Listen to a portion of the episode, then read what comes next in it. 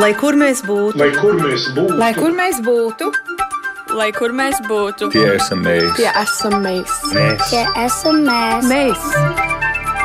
Tas ir par mums. Tas ir par mums. Tas ir par mums. Esiet sveicināti!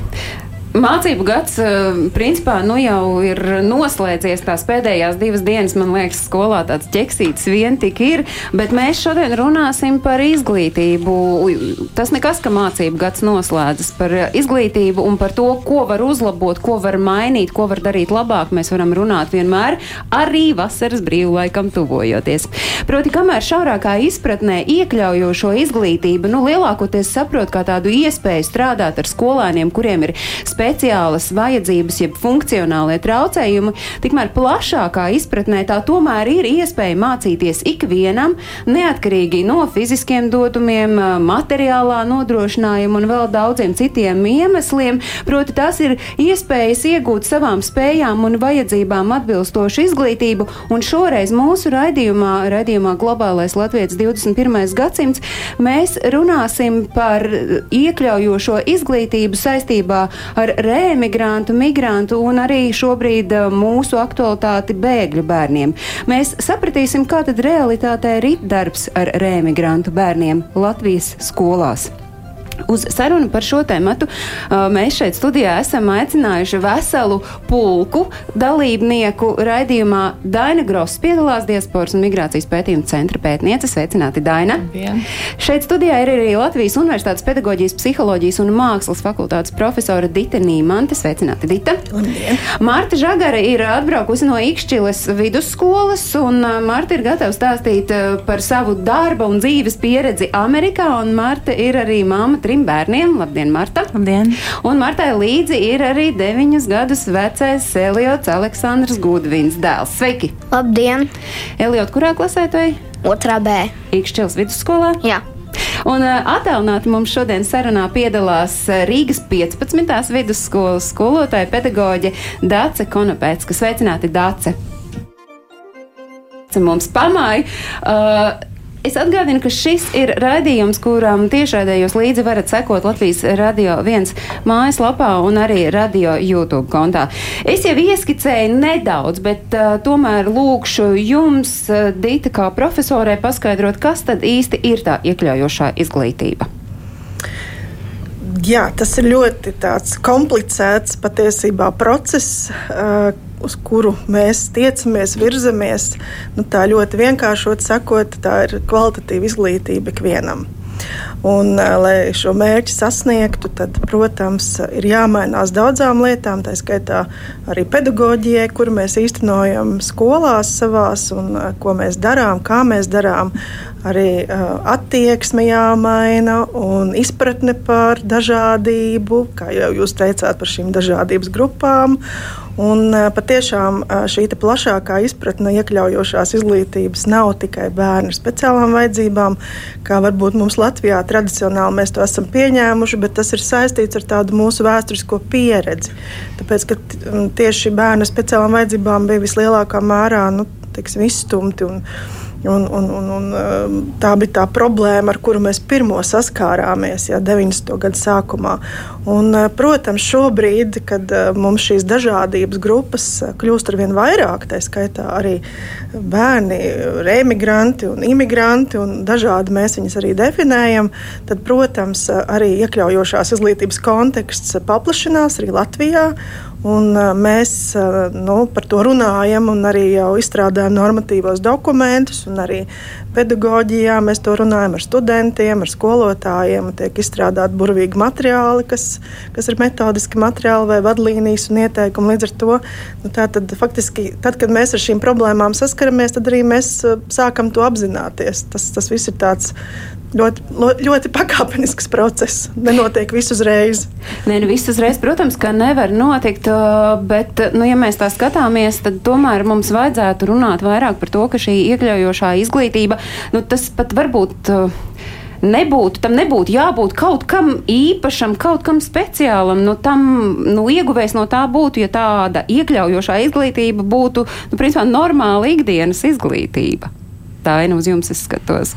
Jā, Jā nu, un e, man, mans tieši pētniecības lauciņš ir. Um, iepriekš Dītas minētie remigrējušie bērni, kas ir atgriezušies, un, un viņi īpaši arī neiekļaujās tādā īpašo bērnu tādā kategorijā īstenībā, jo viņi ir parasti bērni. Viņi, vienkārši viņiem valodiski varbūt vēl nav tās zināšanas, latviešu valodas zināšanas tik spēcīgas, un viņiem īslaicīgi varbūt vajag palīdzību dažos priekšmetos, bet tas atkal ir tikai īslaicīgi.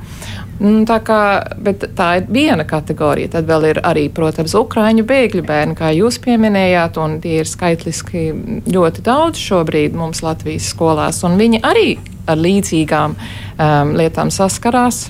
Latviešu valodas nezināšana. Uh, īslaicīgi, iespējams, ja viņi paliks ilgāk, viņiem arī uzlabosies. Viņi visi ir um, iekļaujami līdzīgā tādā kategorijā. Ne tikai valodiski, arī zinām, citos priekšmetos viņiem vajag palīdzību, papildus un vajag iejūtību pret cilvēkiem, kas ir nākuši no citas vides, kuriem uh, varbūt tā pieredze, dzīves pieredze ir citādāka, skolas vide ir bijusi pilnīgi citādāka, un, un viņiem vajag vienkārši pievērst uzmanību. Uh, skolotājiem vajag zināmas iemaņas gūt par to, kā, ar, kā vispār viņus uzrunāt, kā tās ģimenes uzrunāt un kā viņas iekļaut.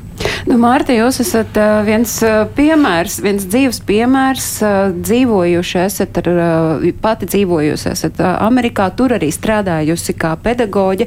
Jūs esat strādājusi kā pedagoģe un iepazinuši šo dažādību. Jūs pasniedzāt angļu valodu kā otro valodu dzīvojot mm -hmm. Amerikā, un tad pienāk brīdis, kad jūs ar saviem bērniem atbraucat šeit uz Latviju. Un es atceros, ka tad, kad jūs, nu, nu īsu mirkli pēc tam, kad jūs bijāt atbraukuši uz šejieni, jūs arī sacījāt, sacījāt, ka jūs esat ieguvusi to lielisko multikulturālo pieredzi, strādājot klasēs ar dažādu tautību bērniem tur Amerikā, un tad tas ir stiprinājis to jūsu pārliecību, ka tieši dažādība bagātina. Atbraucāt ar šo sajūtu, un tagad, nu jau cik gadus nodzīvojat, nostrādājot skolā šeit Latvijā, vai jūs joprojām esat pie šīs pārliecības, ka tā dažādība tas ir tas, kas ir mums jānovērtē? Es domāju, ka noteikti dažādība ir bagātība. Mums šī gadā, manā audzināmā klasē, konkrēti uh, bija tā dažādības iespēja. Mums bija gan ukrāņu puisis, gan tagad arī ir uh, no Afganistānas puisis pievienojies mūsu klasē. Un, un gan skolēni, gan mēs to novērtējam. Un, uh, Nu, varbūt nav pavisam viegli pirmās nedēļās, bet, bet mēs, mēs cenšamies, cik varam viegli uzņemt un kam? pieņemt. Taisni varbūt pat saprast, ar ko mēs varam palīdzēt, kas ir tas, ko tu varbūt nevar iedomāties, kas kas ir vajadzīgs pateikt, ja, kas varbūt ir uh, tas, uh, kas nav saprotams mūsu skolu sistēmā, kādam, kas atnāk no malas. Un tad es no, uh, arī mēģinot ar visu savu pieredzi, zinot, ko mēs uh, piedāvājām vai kā mēs uh, ievadījām skolā uh, jaunpienācējus Amerikā, tad es cenšos arī uh, to pašu pastāstīt šeit un, un izskaidrot un parādīt ar tādām ļoti ikdienišķām lietām, jo uh, līdz uh, no 8. klasē līdz ķīmijas formulām tiks, bet taisn tās ikdienas lietas, kas saprast, kur ir skāpīši, kā notiek pārvietošanās, ka šī skaņa ir zvans, ka, ka, ka, kādas ir tās. Uh, vispār pieņemtās normas, kas skolā notiek, ko, mūsu, ko, ko bērni esot Latvijā zina un saprot, ja, uh, kas arī maniem bērniem bija jauns sākumā. Ja, ka, teiksim, viņi, kad mācījās Amerikā, viņiem zvanu skolā nebija. Uh, un Amerikā arī manā skolā. Pamatskolā nebija zvana kā tāda. Mēs skatījāmies pulksnī un dzīvojām tālāk. Un, um, un stundas mainījās, bet teiksim, tagad ir ar zvaniem un ir jāpierod. Un, nu, tāds viens piemērs, piemēram.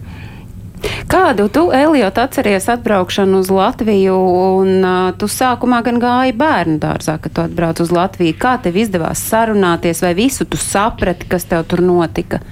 Nu, es, uh, sap, nu, es tā īsti sapratu, um, bet uh, tā bišķi nesapratu um, kad mums vajadzēja tā iet gulēt. To tu nespēji saprast, kāpēc iet gulēt. Ja? Nu, jā, gulēt bērnu dārzā, tā kā ņemt nost krēklu, zeķes un tā tālāk. Bet Eliots atbraucot uz Latviju un sākot iet šeit bērnu dārzā un, un pēc tam skolā, viņam jau bija šī latviešu valodas prasme gana laba. Daļēji, jā drošāks viņš noteikti jutās angļu valodā. Man ļoti nepatika. Kas tev nepatika? Tas bērnu dārzs Bet skola tagad? patīk. Ja es neietu uz to bērnu dārzu, tad es jau būtu trešajā klasē. Un mammas skaidrojums šim? Uh, Tādēļ, ka Amerikā sāk ātrāk iet skolā, viņam pēc gadiem viņš ir pareizajā klasē. Bet no dažādu izglītības sistēmu robežās ir vienā valstī tu esi trešā klasē, vienā tu esi ceturtā. Starp citu, jā, šis tā, tā klašu maiņa vai un kā tā savukārt ietekmē to bērnu, kurš ir atbraucis un tagad mācās šeit Jā, Latvijā. nu, šī problēma vēl ar vienu pastāv. Man ir pazīstama ģimene, kas nu pat pirms mēneša atbrauc no Austrālijas, un viņiem arī meitai, kas jau trešā klasē Austrālijā, piedāvāja iet pirmajā klasē skolā. Un tas eh, meita to negribēja personīgi, tāpēc ka viņai tas likās pazemojoši, demoralizējoši. Kāpēc man jāsāk ir atkal mācīties, lasīt un rakstīt, kad es jau esmu vairākus gadus skolā gājis? Lai gan eh, normatīvajos aktos ir ir uh, minēts, ka ir jāliek vecumam atbilstošā klasē. Bērnus, eh, remigrantu bērnus tas ir. Bet uh, nevienmēr tas notiek. Tas No kā ir- tas ir atkarīgs? Tas ir no skolas vadības atkarīgs, no skolotāja, no tā pedagoga, kurš ar šo audzēkni strādās.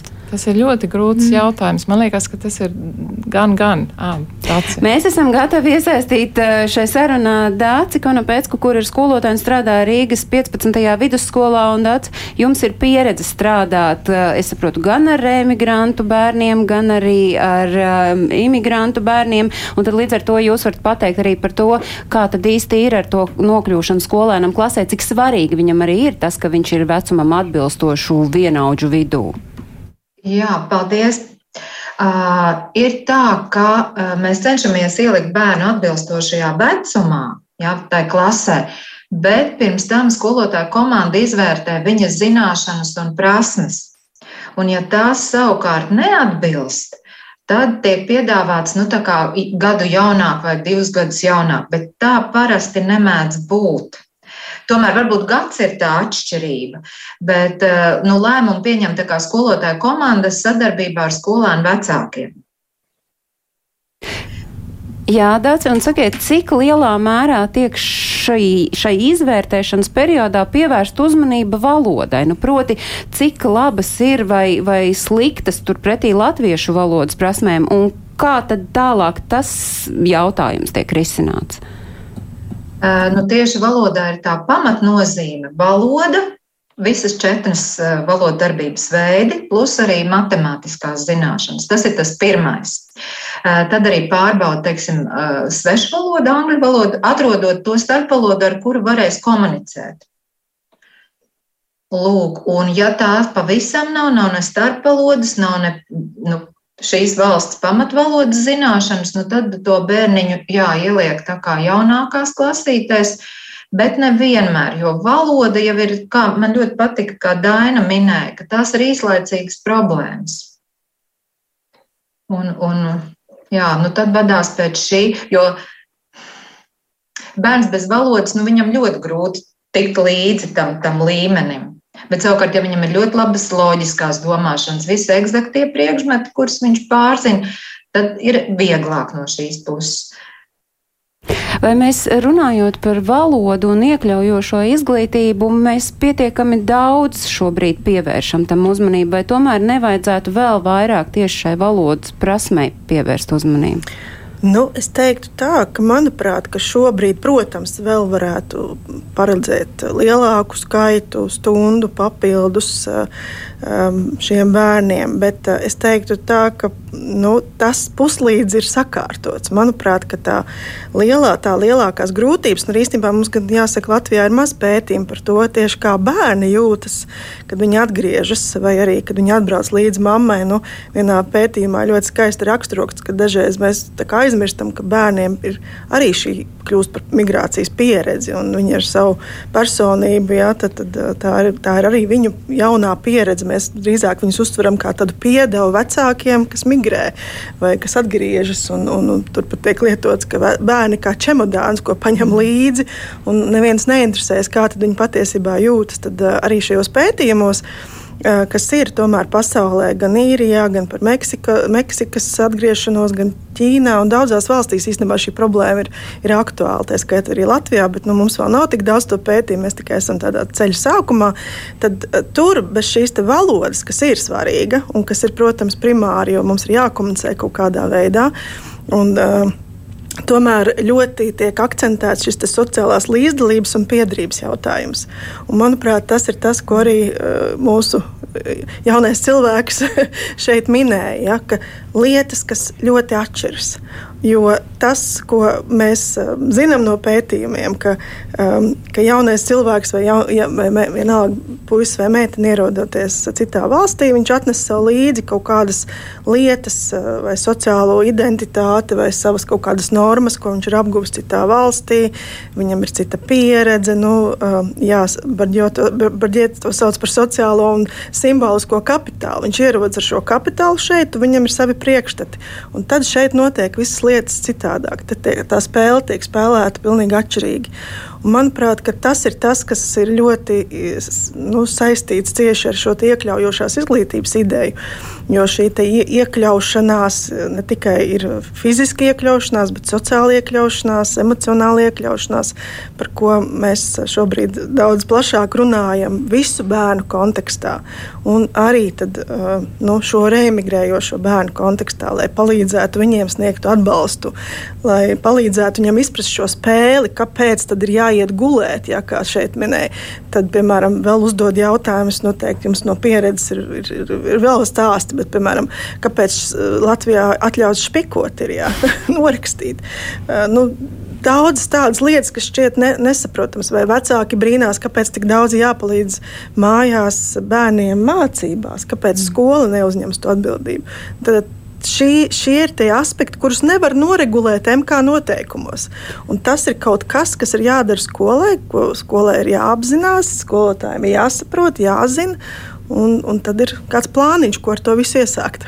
Ja runājot par to kapitālu, ar kuru atbrauc šeit tas eh, jaunais skolēns, kurš ienāk klasē, cik eh, daudzi to spēj novērtēt, nu, piemēram, jūsu gadījumā, Mārta, gan ar jūsu bērniem, gan, gan ar jūsu tagadējo pieredzi to, to novērtēt, to, ka, eh, jā, viņš atnāk, viņš mm, nezina varbūt daudzas lietas, zvanu, kāpēc mm -hmm. jāguļ, bet mēs nu, varam no viņa mācīties. Um, Vēl mēs esam šobrīd, manā audzināmajā klasē, šobrīd mēs esam stadijā, kad mums ir ļoti grūti komunicēt, jo uh, kā viens tā otrs puisis, ar ukraiņu puisi mēs varējām sazināties arī krievu valodā, uh, bet manas klases skolēni ļoti švaki runā krieviski. Uh, bet ar, ar otru puisi viņš runā darī un persiešu valodā, un mums ir jāizmanto lielākoties tikai tulkotājs. Viņš jau otro mēnesi tagad mācās intensīvi latviešu valodu, uh, paralēli skolē vēl arī. Un, uh, Un pamatvārdus ir iemācījies, un, teiksim, labdien, un paldies, jā, un pulksteņu laikus, un tādas lietas,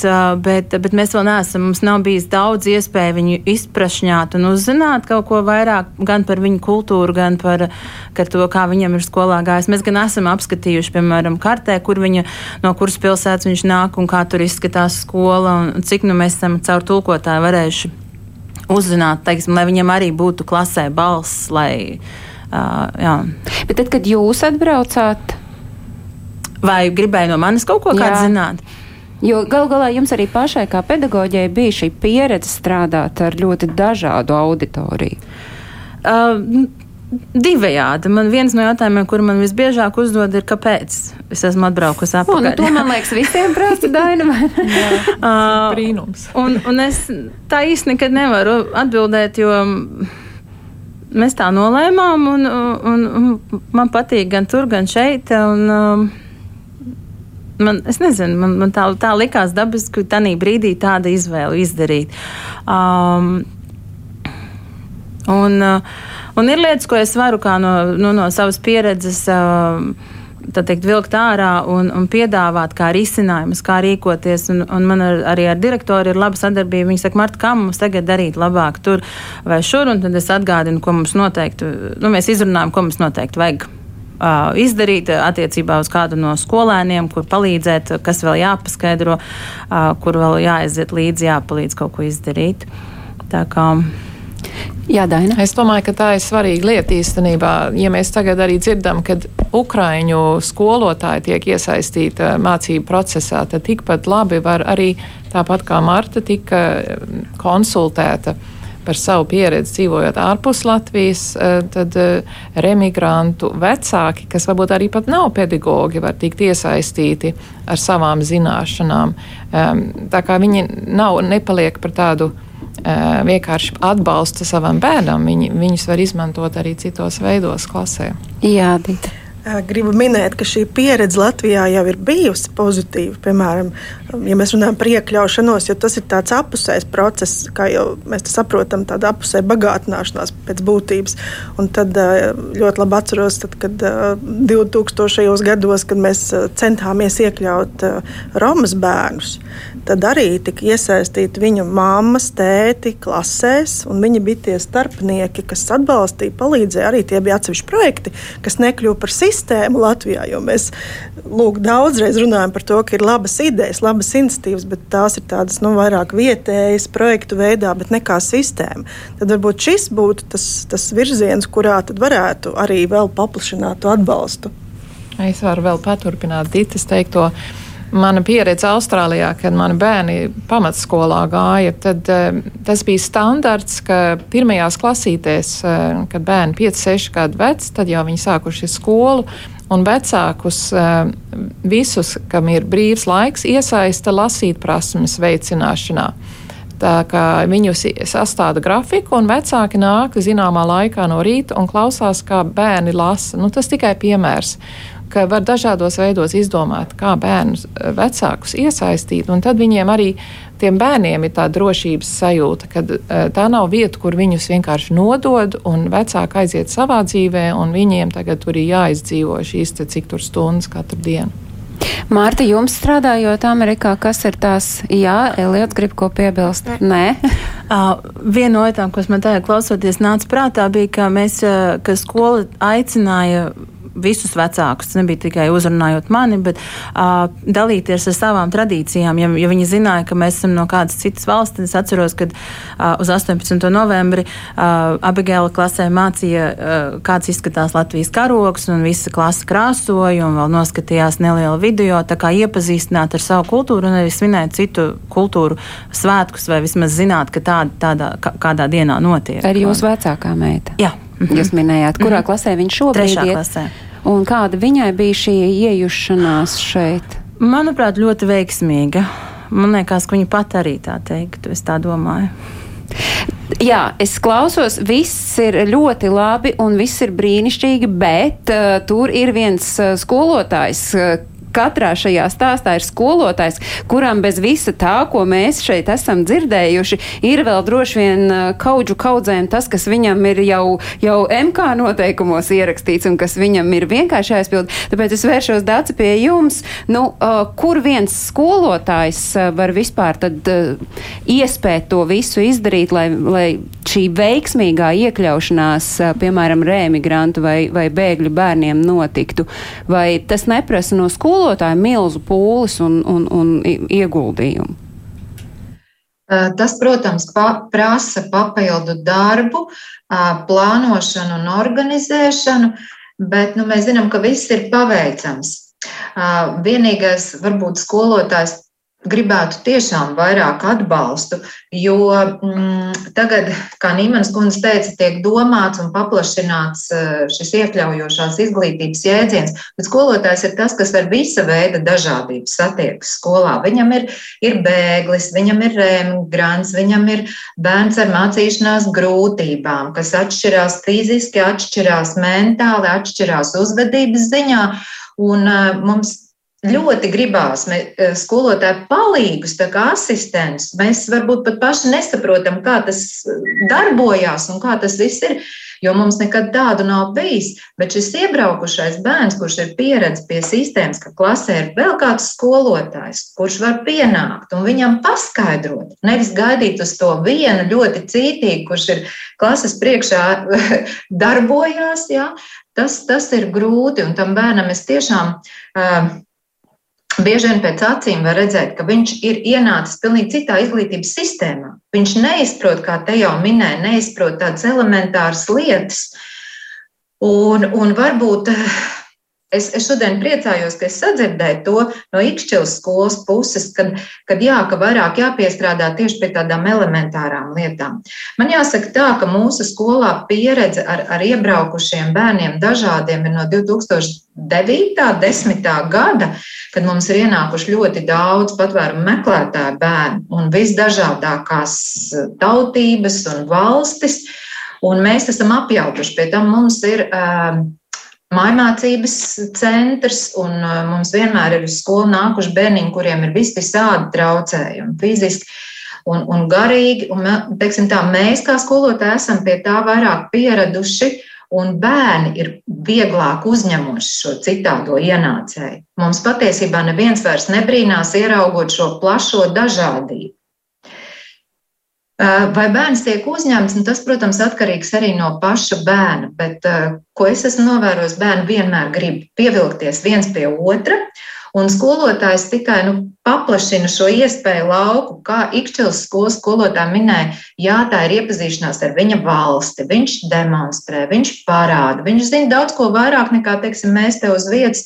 Un, un katrs skolotājs, nu, jāsaka, laikam, kā proti izmanto šo bagātību vai resursu.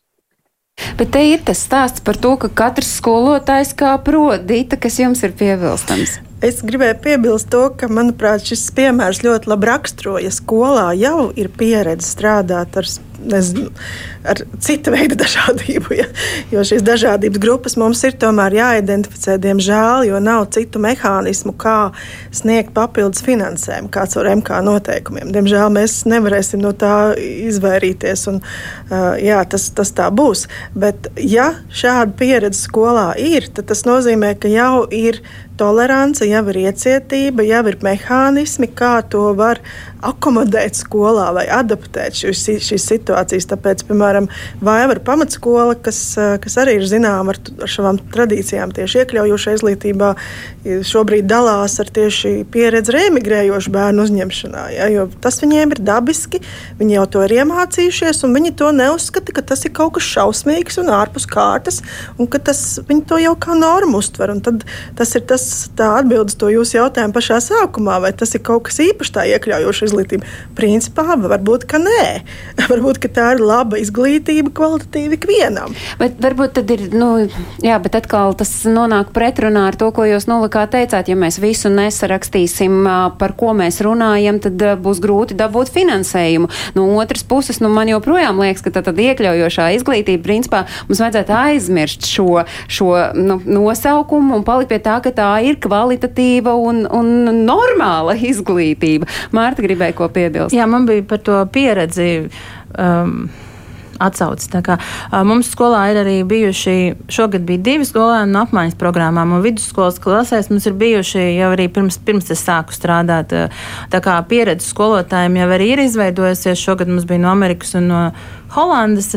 Un, un teiksim, arī bērniem tad jau ir tā, tas, ko jūs tikko minējāt, ka viņi jau ir apraduši ar to situāciju. Ok, mums klasē ir gan no turienes, gan no šejienes, un mēs visi kaut kā ejam uz priekšu. Un arī skolotāji tad pierod, jau aprod ar šo situāciju. Starp citu, kuram ir vairāk jāpierod skolotājiem vai skolēniem? Daina?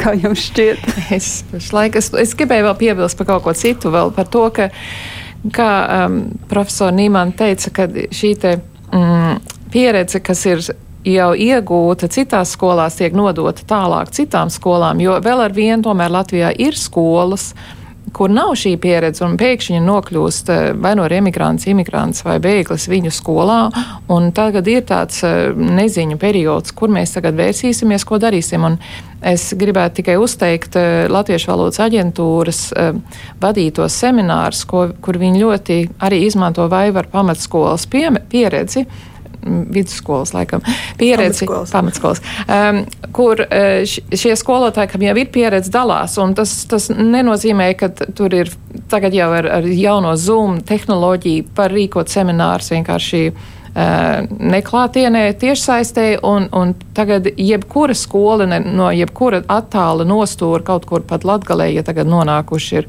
um, bērni, kas tomēr nu, ir no citurienes. Tad šie skolotāji lūdz Latviešu valodas aģentūrai, mums lūdzu seminārus, un tad uh, kad tiek atrasti skolotāji, kā no Vaivaru pamatskolas vai citām skolām ar pieredzi, un viņi, šī te miedarbi jau notiek tādā veidā, tā kā tas ir ļoti uzteicam un tas ir obligāti jāturpina. Bet par tām grūtībām runājot, kuram tad ir grūtāk pedagogam vai skolēniem pieņemt to, ka uh, mums ir kaut kas neierasts, kaut kas nebijis skolā, klasē? Es domāju, ka tas abām pusēm var būt grūti. Ļoti noteikti būs atkarīgs no personības. Teiksim, arī cik to Dacija minēja, ka nu, mēs visi vēlamies iekļauties sabiedrībā, bet, ja tu esi introvertāks, tev tas būs krietni grūtāk. Uh, un, un tas laika trūkums skolotājiem. Man liekas, ka uh, pirmās reizes, kad ir pirmais jaunais bērns, otrais jaunais bērns, piektais jaunais bērns, tev varbūt ir tā enerģija visu skaidrot, bet pie, pie 25. varbūt tev liekas, bet es šito to visu jau esmu izstāstījusi šoreiz vai šogad 25 reizes. Un, ka varētu būt, ka ir kaut kāda tā kā pirms bērns nonāk klasē, tā, nu, tā iespēja kaut kā viņu ievadīt jau skolā varbūt. Vai? Dāce, jums ir kas piebilstams? Jā, es gribēju piekrist uh, iepriekš teiktajam, jo adaptācijas laiku mēs parasti domājam par bērnam sniegto laiku, kamēr viņš paklusē, aprod ar situāciju, tad pamazām iejūtās un sāk iedzīvoties, bet neviens nekad nerunā, ka šis adaptācijas laiks ir vajadzīgs skolotājiem. Un šobrīd par Ukrainas situāciju domājot, mums ir ļoti daudz Ukraiņu skolā, pārpa 70, un kā notika viņa ienākšana? Ienāca vairāki, mācot latviešu valodu, es jau stundā iemācu tam, tam tiem ienākušajiem. Pēc brīža ienāk nākamais, pēc nedēļas ienāk nākamais, pēc, atkal pēc brīdiņa vēl viens pievienojas. Un tā vienas klases ietvaros ienāk šie pieci, seši bērni, bet katrs dažādā laikā.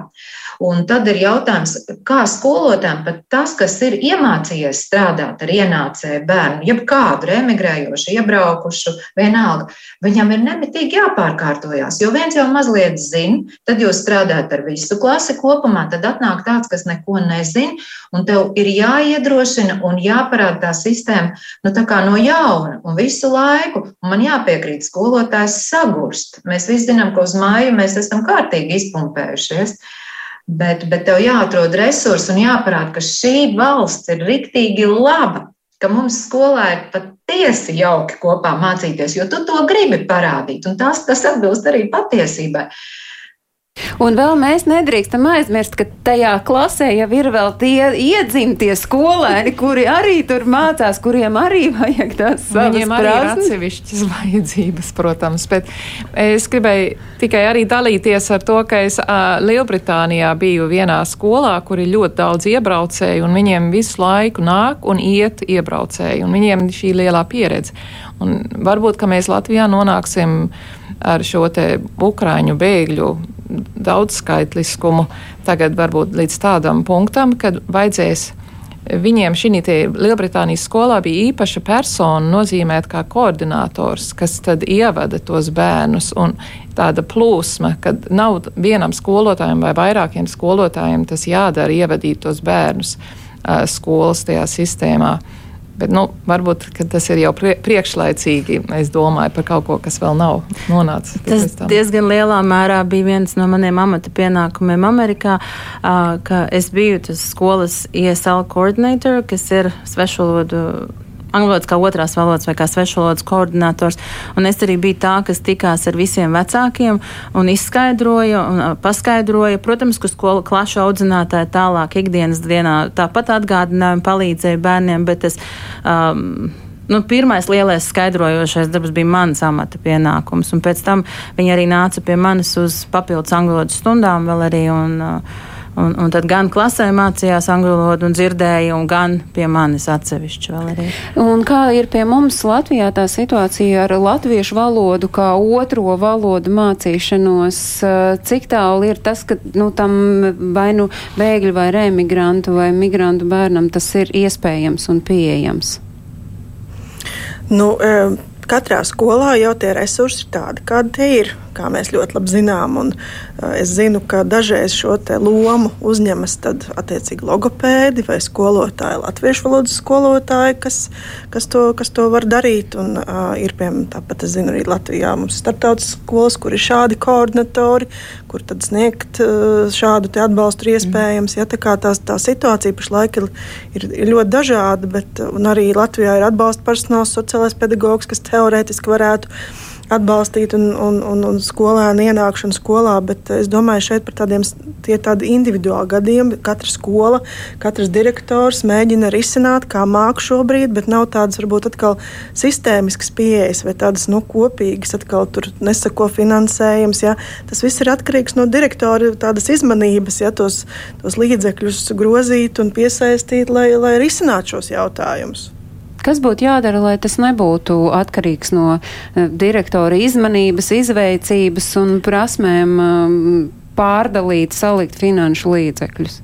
Es nemācīšu runāt par to tehnisko sadaļu. Es šī brīdī runāšu tikai kā mamma, kas zina, kas, kas manam bērnam tiek. Ja. Um, Viņiem papildus gan, gan Elietam, gan Veronikai otrā klasē jau otro gadu ir papildus divas latviešu nodarbības nedēļā tieši kā reemigrantiem. Un es saprotu, ka uh, bija tajā likumā, nē, vai noteikumos. MK noteikumos. Jā, MK noteikumos ir norādīts, ka, ja ir dzimuši ārzemēs, tad pienāks šī papildus latviešu trīs gadus, un ja ir dzimuši šeit, bet emigrējuši un atgriežušies, tad divus gadus. Um, tas jau tā kā ir iestrādāts. Jā, jā, jā. Tas ir skolas uh, nu, pienākums uh, noskaidrot uh, šo informāciju un noteikti piedāvāt, ja vien viņiem ir tie skolotāji, kurus nolikt tur priekšā. Man te ir piebilde, jo es esmu intervējusi um, vairākas ģimenes, kam arī ir, ir izmantojuši šo te, mm -hmm. um, pakalpojumu no skolas puses, to piedāvājumu. Bet, uh, nu, tur ir visādi it kā pienākās, bet, bet no vienas puses tie vecāki pateicīgi, bet viņi to. Viņiem tas eh, papildus tās mācības notiek pēc skolas. Man šķiet, ka jums varbūt mm -hmm, arī tas tiek arī, piedāvāts. Mm -hmm. Un, un vecāki jūtās, ka tas ir gandrīz kā tāds papildus sloks tam bērnam tiek uzlikts, ka viņam tagad jāsiež pēc stundām. Ne, ne, ne pats sloks, tas ir gandrīz vai tāds nu, viņiem jau tā ir stundas mm, daudz, un tad vēl nāk klāt, un varbūt vēl uz pulciņu nevar paspēt.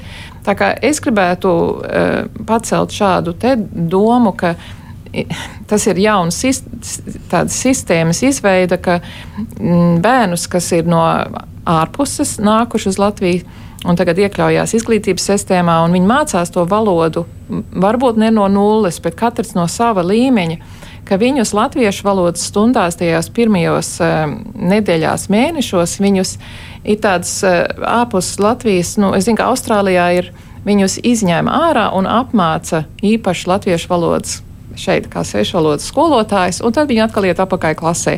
Un tas tikai uz īsu mācību. To, tas ir mācību procesa laikā, tas nav kā tāds nosodījums. Uh, Dace un pēc tam Dita. Jā, mums ir skolā tieši šāda pati sistēma, ko Daina tikko minēja. Ja ienāk, piemēram, mums ir Afgānis ienācis 11. klasē no Afganistānas puisis, viņam nav nu, nedaudz rāngļu valoda. Protams, ka mēs sākumā darām to, mobilizējam šo te latviešu valodas apgūlu, lai vismaz ir kaut kāds vārdu krājums un tālāk jau var pievienot citu mācību priekšmetu. Es zinu, ka citiem bērniem nebija iespējas šādi te, jo ne, nebija neviens brīvs skolotājs, kuram varētu šīs papildus stundas piešķirt. Tad, kad jūs runājāt par atbalsta komandas darbu, pirmā klasē mums šobrīd mācās arī puisēns no Afganistānas. Ir pilnīgi skaidrs, ka viņam ir logopēdiskās problēmas, bet tam logopēdam viņam nav starpnieku valodas.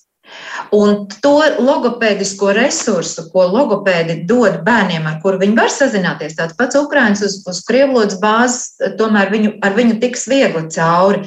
Bet šeit, kad tu īsti nesaproti, kas ir, tas logopēds arī nevar pilnībā, pilnā savā resursā strādāt.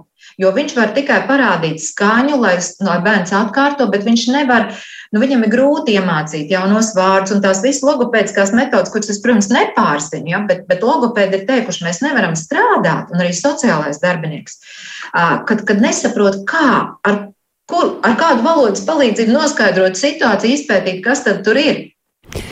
Un, Dita, mums ir eh, saruna jānoslēdz, un tad jūs tādi noslēdzošie vārdi par to, ka es saprotu, ka te ir virkne un ļoti daudz darba darām, lai, lai tas, ko mēs klausāmies, ko katra skola atsevišķi dara, lai tas, lai tas kļūtu par normu. Jā, nu, es teiktu, tāpēc uz šo visu būtu jāskatās nu, tādā kompleksā veidā. Mēs varam ļoti daudz mācīties arī no tās pašas speciālās pedagoģijas eh, šo jautājumu risināšanā, kaut vai izņemot tieši stundu laikā ārā un stiprinot šīs pamatprasmes, strādājot. Bet, kā jau jūs dzirdējāt, mums trūkst resursi, kādēļ tad ir pēc stundām, kādēļ tiek piesaistīts pumpurs šo jautājumu risināšanā. Un, eh, tas nozīmē, ka domāju, ka ir atkal pienācis brīdis, kad ir jā, jārunā šo, par šiem jautājumiem, jāaktualizē nu, visaugstākā līmenī droši vien, un, un, un, un tomēr jārunā tālāk par šiem papildus resursiem, kas ir nepieciešami, jo iekļaujuša izglītība nebūs nekad lētākais risinājums. Un kā mēs te runājam šodien, tad patiesībā tā iekļaujušai izglītībai būtu jākļūst par tādu ikdienas normu, kas ir mums līdzās pastāvoša jebkurā mācību iestādē. Tagad mācību gadam noslēdzoties, vasara ir brīvlaiku laiks, bet tas pat ir tas laiks, kad var aktualizēt šo jautājumu pacelšanu tai visaugstākajā līmenī. Nu, savā līmenī mēs to esam pacēluši. Es saku paldies par šīs reizes sarunu Ditai Nīmantei, kur ir Latvijas Universitātes pedagoģijas, psiholoģijas un mākslas fakultātes profesori. Paldies Dānai Grosas diasporas un migrācijas pētījuma centra pētniecei un Martai Žagarē, kur ir no Ikšķilas vidusskolas pedagoģa ar darbu un dzīves pieredzi Amerikā un mamma trim bērniem. Uh, Eliots Aleksandrs Gudvins jau ir pametis studiju. Viņš teica, ka gana viņam ir klausīties mūsu sarunās, bet Dāca Konopēcka, kur ir pedagoģa pedagoģi un strādā Rīgas 15. vidusskolā, arī bija šīs reizes sarunā kopā ar mums. Paldies skatītāji un klausītāji, ka jūs bijāt kopā ar mums, un es atgādinu, ka visus svarīgos notikumus, kas ir aktuāli ārpus Latvijas dzīvojošajiem, jūs varat meklēt portālā latvieši.com. Tur ir notikumu kalendārs, kur visu varat uzzināt, un savukārt raidījuma atkārtojums skan katru svētdienu uzreiz pēc ziņām trijos. Paldies! Atā.